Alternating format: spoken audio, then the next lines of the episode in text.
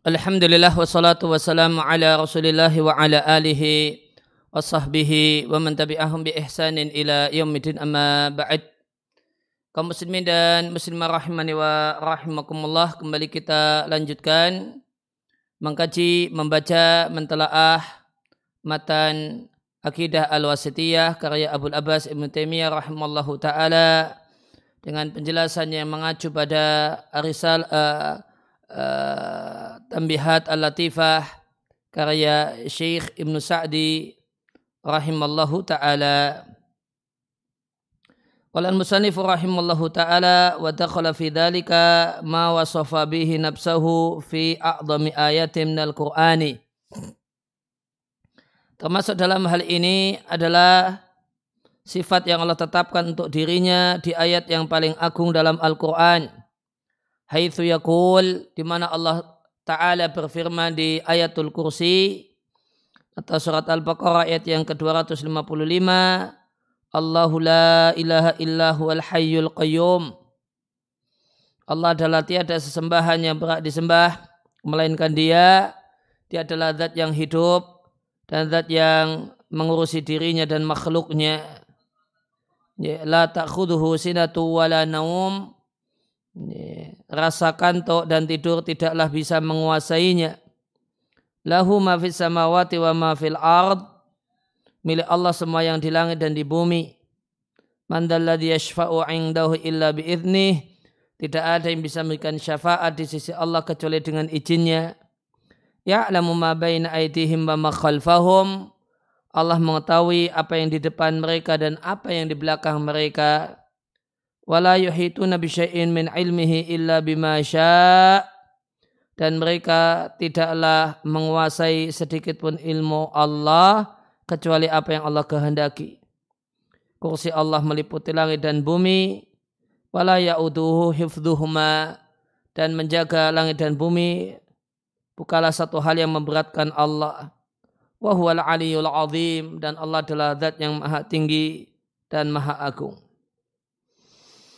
Penjelasan dari Syekh Ibnu Sa'di rahimallahu taala Walihada oleh karena itu siapa yang membaca ayat ini di satu malam maka lam yazal alaihi terus menerus ada untuknya penjaga dari Allah dan setan tidak akan bisa mendekatinya sampai pagi tiba.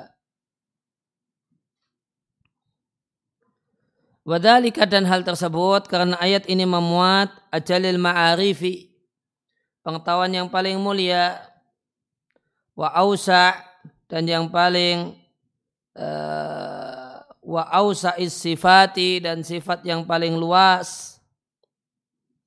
Fa akhbara Allah kabarkan anahul mutawahhadu bahasanya Allah adalah zat yang esa fil uluhiyah dalam hak ibadah.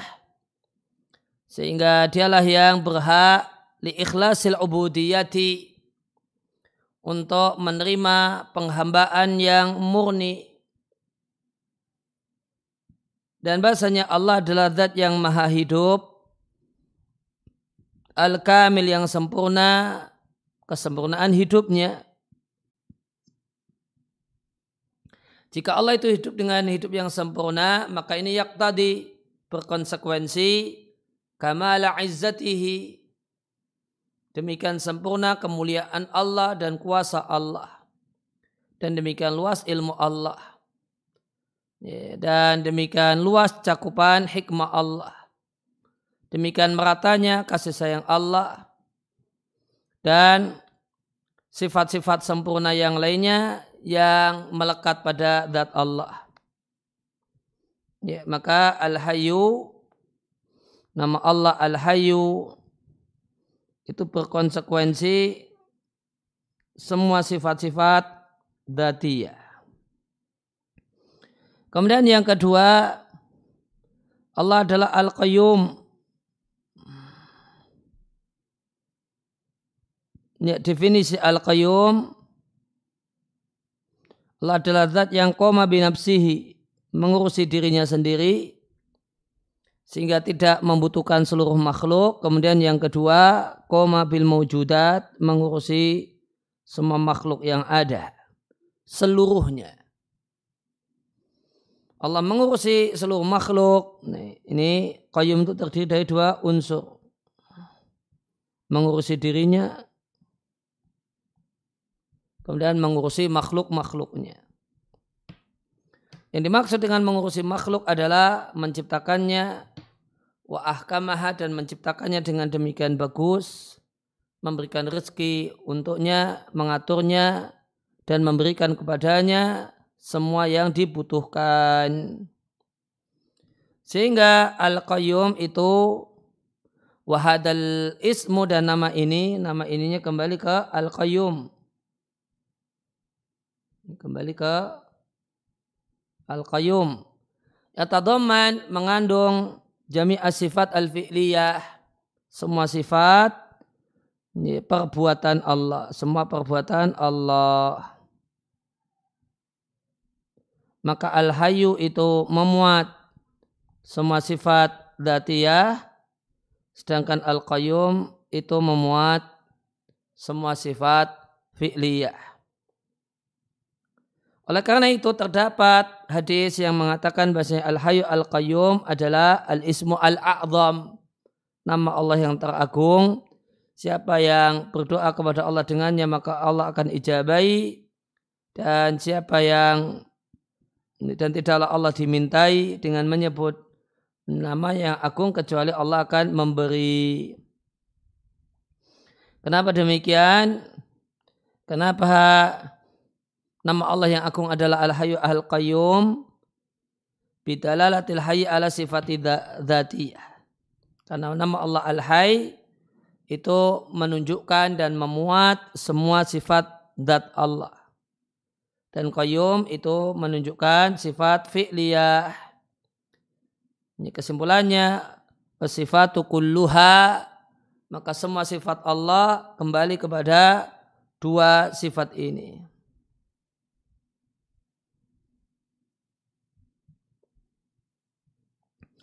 Wamin kamali kuyumiyatihi dan bagian dari sifat Allah qayyum yang sempurna dan sifat hidup Allah yang sempurna maka sinatun wa waya nu'as maka ngantuk tidak menguasai Allah apalagi tidur. Kemudian Allah sebutkan kerajaannya itu demikian luas mencakup alam atas yaitu langit dan alam bawah yaitu bumi wa min tamami mulkihi dan bagian dari kesempurnaan kekuasaan Allah adalah sifat syafaat seluruhnya milik Allah. Tidak ada yang bisa memberikan syafaat di sisi Allah kecuali dengan izin Allah. Fafiha eh, fafiha dzikru sifati maka eh, fafiha dzikru syafaati maka dalam ayat ayat kursi disebutkan syafaat yang wajib untuk ditetapkan. Apa itu syafaat yang wajib ditetapkan? Wa yallati taqa'u bi'idnihi limanir tada. Maka syafaat yang wajib diyakini adanya adalah syafaat yang taqa'u bi'idnihi. Syaratnya yang pertama terjadi dengan izin Allah, kemudian ditujukan tidak pada semua orang, namun khusus untuk orang-orang yang Allah ridhai. Dan Allah tidaklah ridha kecuali tauhid. Kemudian ada syafaat manfiyah, syafaat yang wajib diyakini tidak adanya. Itulah syafaat yang diyakini adanya oleh orang-orang musyrik. Waya dan syafaat yang manfiyah adalah maka tutlabu min ghairillahi. Syafaat yang dimintakan kepada selain Allah. Ini yang pertama.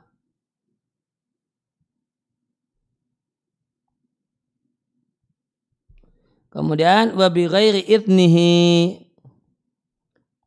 dan tanpa izin Allah.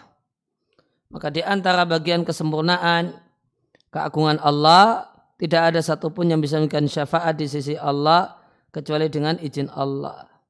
Dan Allah tidak mengizinkan kecuali orang yang Allah ridai ucapannya dan perbuatannya. Itu orang yang beriman. Dan Allah jelaskan bahasanya orang-orang musyrik tidaklah manfaat bagi mereka syafaat pemberi syafaat. Kemudian Allah sebutkan betapa luasnya ilmu Allah dengan Allah katakan Allah mengetahui apa yang ada di depan dan apa yang di belakang mereka. Artinya ilmu Allah meliputi perkara di masa silam dan masa depan maka tidak ada yang yakhfa tidak Allah ketahui darinya sedikit pun. Sedangkan makhluk tidaklah bisa meliputi sedikit pun ilmu Allah baik sedikit ataupun banyak kecuali dalam ukuran yang Allah berkehendak untuk memberi memberitahukannya melalui lisan para rasul dan dengan sejumlah jalan dan sebab-sebab yang mutanawiyah yang variatif.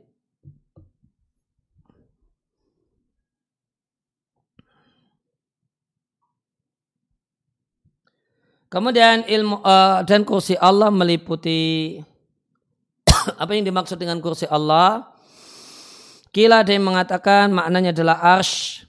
Pakila pendapat yang lain mengatakan makna yang lain. Catatan kaki.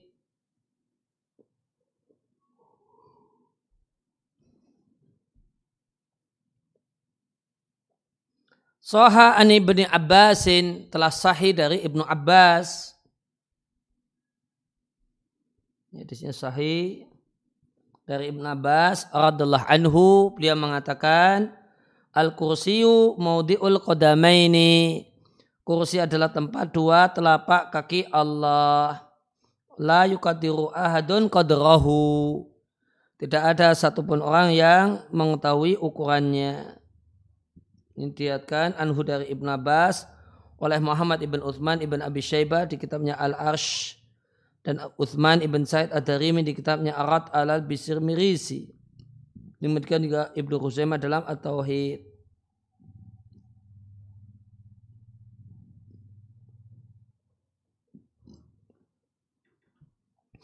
Nah, wa anna kursiyun maka kursi Allah itu balagha min azamatiha demikian besarnya eh, dan demikian luasnya sampai-sampai kursi tersebut bisa meliputi langit dan bumi. Meskipun demikian, ma'adalika itu terjemahnya eh, wa ma'adalika meskipun demikian. Ini terjemahnya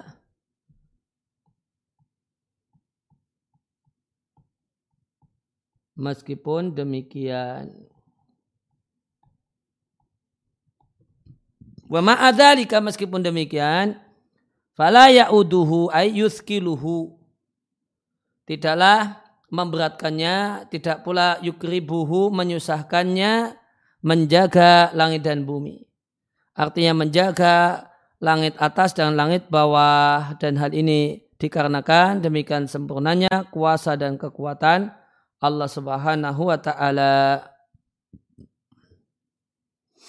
Dan dalam ayat kursi ini terdapat penjelasan tentang besarnya nikmat Allah untuk makhluk. Karena Allah ciptakan bagi mereka langit dan bumi dan semua isinya. Allah menjaga langit dan bumi dan menenangkannya sehingga tidak hilang, tidak goncang. Dan Allah jadikan langit dan bumi ala nidhamin badi'in. Dalam keteraturan yang demikian indah. Yang memuat berbagai macam hukum dan manfaat yang beragam. Yang tidak bisa dihitung. Dan Allah adalah zat yang maha tahu. Artinya uh, wa wal aliyu dan Allah adalah zat yang maha tinggi yaitu tinggi yang sempurna dari semua aspek. Di sini disebutkan dua aspek pokok. Allah itu tinggi zatnya artinya zat Allah di atas seluruh makhluk di atas ars istawa berada di atas. Dan ulul qadar dan ulu al ulu qadar sama dengan ulu sifat. Ya, sama dengan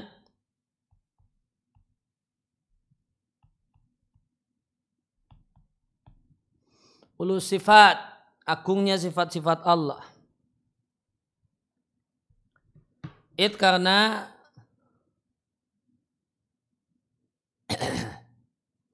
dia memiliki semua sifat sempurna Walau dan bagi Allah dalam sifat sempurna tersebut, Allah, Allah memiliki yang paling tinggi dan yang uh, dan puncaknya. Atau walahu min tilka sifati a'laha wa ghayatuha.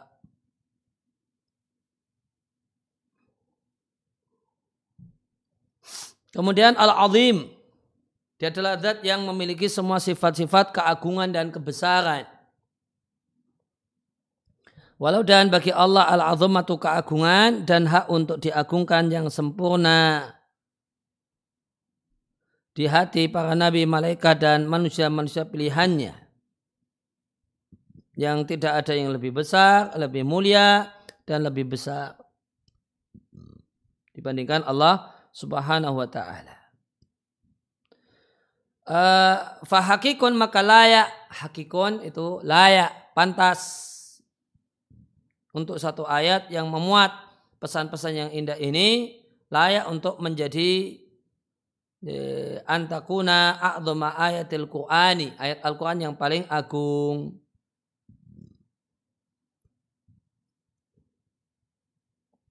Dan memiliki eh, dan karena membaca ayat ini ya, maka ada al-mana perlindungan dan penjagaan bagi orang yang membacanya minasyururi dari kejelekan dan dari setan satu manfaat bagi ayat yang tidak dimiliki oleh ayat-ayat yang lain. Catatan kaki dua, sebagaimana sahih dari Ubay bin Kaab dan mengatakan Rasulullah Sallallahu Alaihi Wasallam bertanya, Ya Abul Mungdiri wahai Abu Mungdir, atadri ayu ayatin min kitabillahi ma'aka a'zam Apakah engkau tahu ayat apa di Al-Quran yang engkau hafal yang paling agung dan mulia? Maka aku katakan Allahu la ilaha Allahu la ilaha illahu al hayyul qayyum.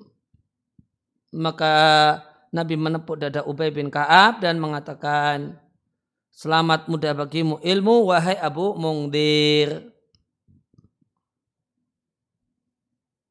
Nah, berkenaan dengan Uh, dengan hadis ini dialog antara Nabi dengan Ubay bin Kaab eh, ada penjelasan menarik yang disampaikan oleh Syekh Abdul Razak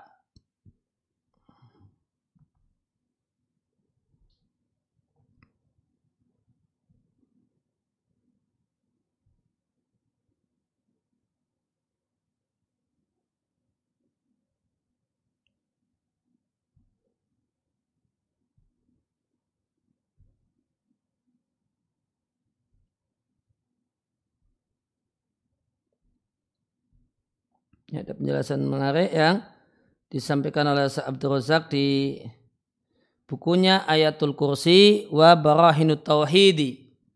Ayat kursi dan 12 bukti tauhid. Kalau di di sini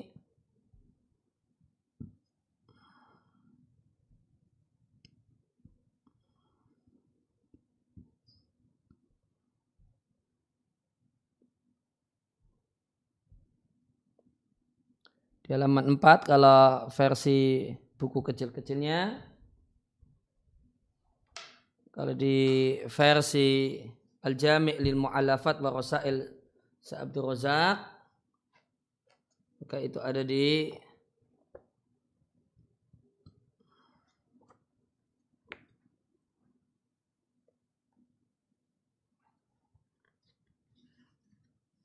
dua ratus sebelas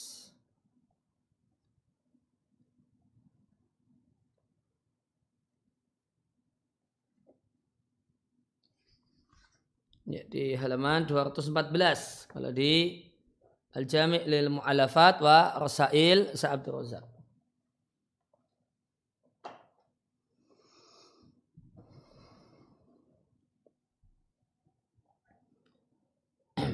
Jadi eh, dilihat ini hadis surat Muslim dari Ubay bin Ka'ab Qal qala Rasulullah sallallahu alaihi wasallam ya Abul Mundhiri atadri ayu ayatin min kitabillahi ma'aka a'dham. Qal qultu Allah wa rasulu a'lam. Ini versi lengkapnya ya.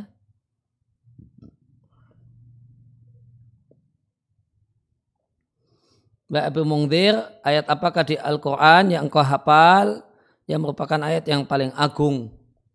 Maka Ubay bin Ka'ab mengatakan Allah dan Rasulnya yang lebih tahu. Kemudian diulangi lagi pertanyaan yang kedua. Setelah itu dijawab. Kultu aku jawab. Allahu la ilaha illa huwal hayyul qayyum. Fadaraba fi sadri maka Nabi menupuk dadaku dan mengatakan wallahi demi Allah selamat bagimu karena telah mendapatkan ilmu wahai Abu Mungdir. Liyahinaka al-ilm itu artinya apa?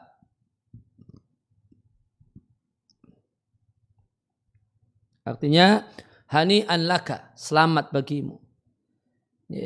Dengan ilmu ini yang Allah bawakan untukmu dan Allah mudahkan bagimu. Dan Allah anugerahkan kepadamu. Dan luar biasanya Nabi bersumpah wallahi tadi liyahinaka al ilmu aba mungtir maka Nabi bersumpah dengan menyebut nama Allah dalam rangka takliyatan lihada sya'ni untuk meninggikan hal ini dan e, tafkhiman menunjukkan besarnya lihadal maram ya tujuan ini. Nah, e, kita kemudian diajak e, diajak oleh Sabtu Rosak untuk merenung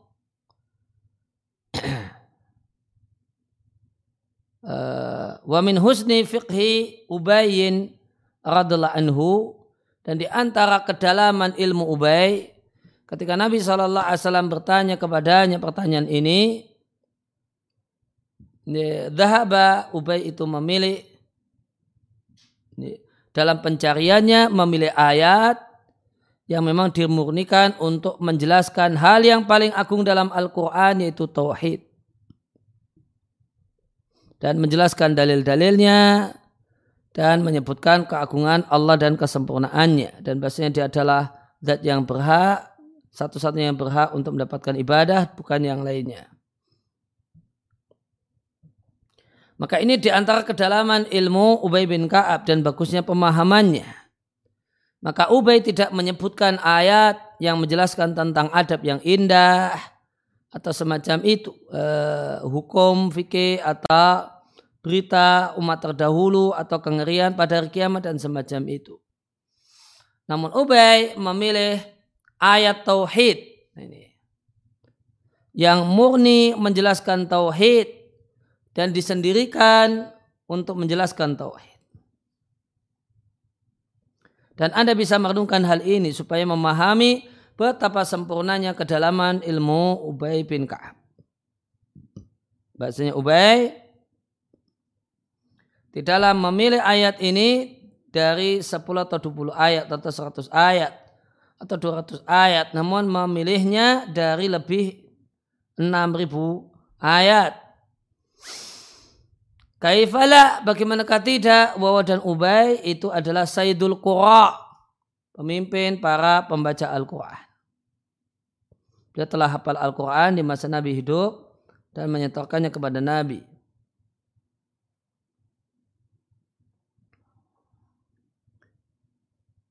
Dan telah tercatat dari Nabi ilmu yang demikian berkah.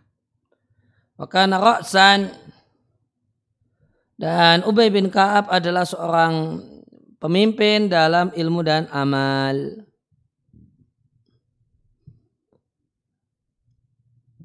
Ya, maka ada sisi menarik dari dari hadis ini yang pertama kedalaman ilmunya Ubay, kemudian sehingga dari sekian ribu ayat dia pilih ayat yang murni membahas tauhid.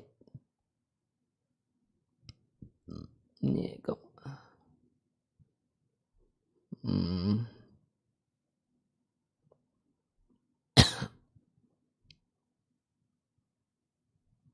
Kemudian sisi yang kedua, nah, sisi yang kedua ada di sini. Walaka aidan anta ta'ammal dan Anda bisa merenungkan supaya bisa menangkap sempurnanya kedalaman ilmu Ubay. Maka Ubay tidaklah menjawab pertanyaan ini setelah beberapa waktu lamanya. Yang cukup semacam satu pekan atau satu bulan. Diraja al-ayat sehingga dia bisa merujuk ayat dan merenungkan makna kandungannya. Namun Ubay bin Ka'ab menjawab ya, Nabi SAW di kesempatan yang sama setelah Rasul mengulang pertanyaannya. Maka beliau kemudian memilih ayat yang penuh berkah ini.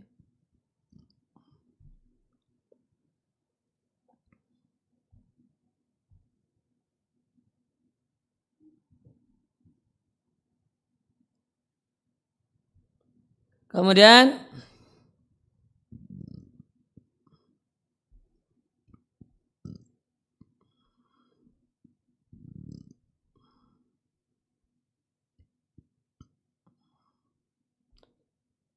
Sebagaimana di tafsir As-Sa'di disampaikan tentang ayat uh, kursi fakat istamalat dadil ayatu ayat ini memuat tauhid uluhiyah, tauhid rububiyah, tauhid nama dan sifat Allah. Ini kan bahasa kerajaan Allah dan uh, meliputi berbagai hal. Demikian juga ilmu Allah. Demikian juga luasnya kekuasaan Allah. Sehingga fahadil ayatu maka ayat ini, ayat kursi ini bimufrad ya semata-mata ayat kursi ini adalah isinya adalah akidah tentang nama dan sifat Allah mengandung semua nama-nama yang terindah dan sifat-sifat yang luhur dan mulia.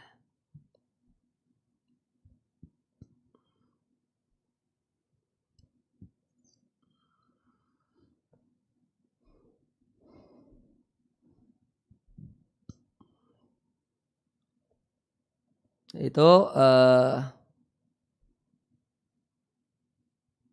renungan yang di, diajak oleh uh, Abdul Razak pada kita semua untuk merenungkan uh, ayat kursi yang dikatakan adalah ayat yang paling agung. Maka di sini ada ayat yang paling agung, ada surat yang paling agung. Ayat yang paling agung ayat kursi, sedangkan surat yang paling agung adalah surat Al-Fatihah.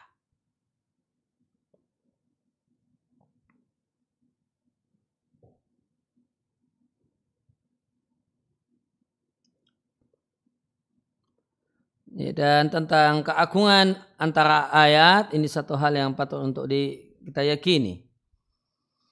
Sebagaimana disampaikan oleh Syekhul Islam Ibn Taimiyah rahimallahu taala beliau katakan qad ulima telah diketahui. Maksudnya bertingkat-tingkatnya Al-Quran dan yang lainnya itu uh, dari firman Allah. Bukan karena dia perkataan si A dan si B. Karena Allah adalah zat yang esa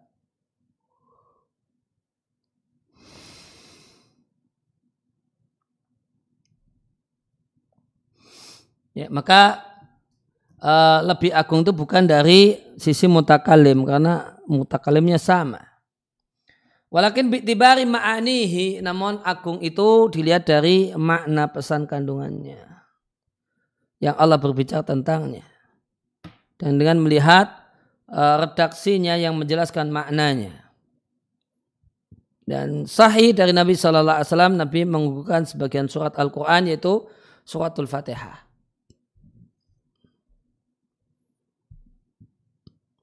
Wafaddola dan e, mengunggulkan dari ayat kursi.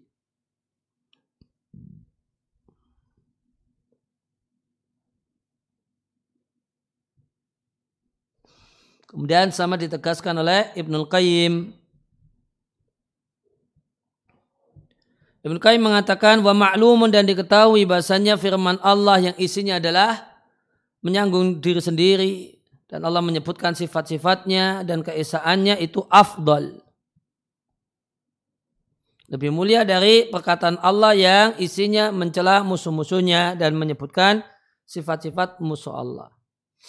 Oleh karena itu surat Al-Ikhlas itu lebih mulia daripada surat Tabat atau surat Al-Lahab. Dan surat Al-Ikhlas itu sebanding dengan sepertiga Al-Quran.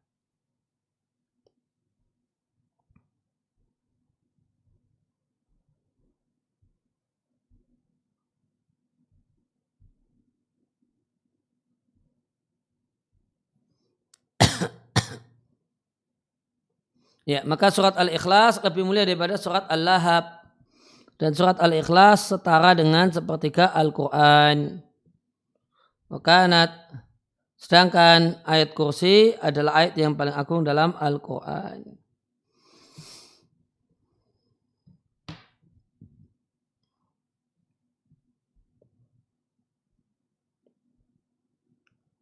Itu uh, tambahannya dari uh, Mbak Sabtu Rozak berkenaan dengan hadis yang menyatakan tentang bahasanya ayat kursi adalah ayat yang paling agung dalam Al-Quran. Dan ada uh, beliau disampaikan oleh Abdul Razak bahasanya dalam ayat Al-Kursi ini terdapat 12 buruhan atau bukti tauhid uh, yang insya Allah 12 bukti tauhid tersebut insya Allah akan dibacakan di pertemuan yang akan datang. Demikian wassalamualaikum ala nabiyina Muhammadin wa ala alihi wasallam. Wa ruda'ana alhamdulillahi rabbil alamin. Subhanakallahumma bihamdika asyhadu an la ilaha illa anta astaghfiruka wa atubu ilaik.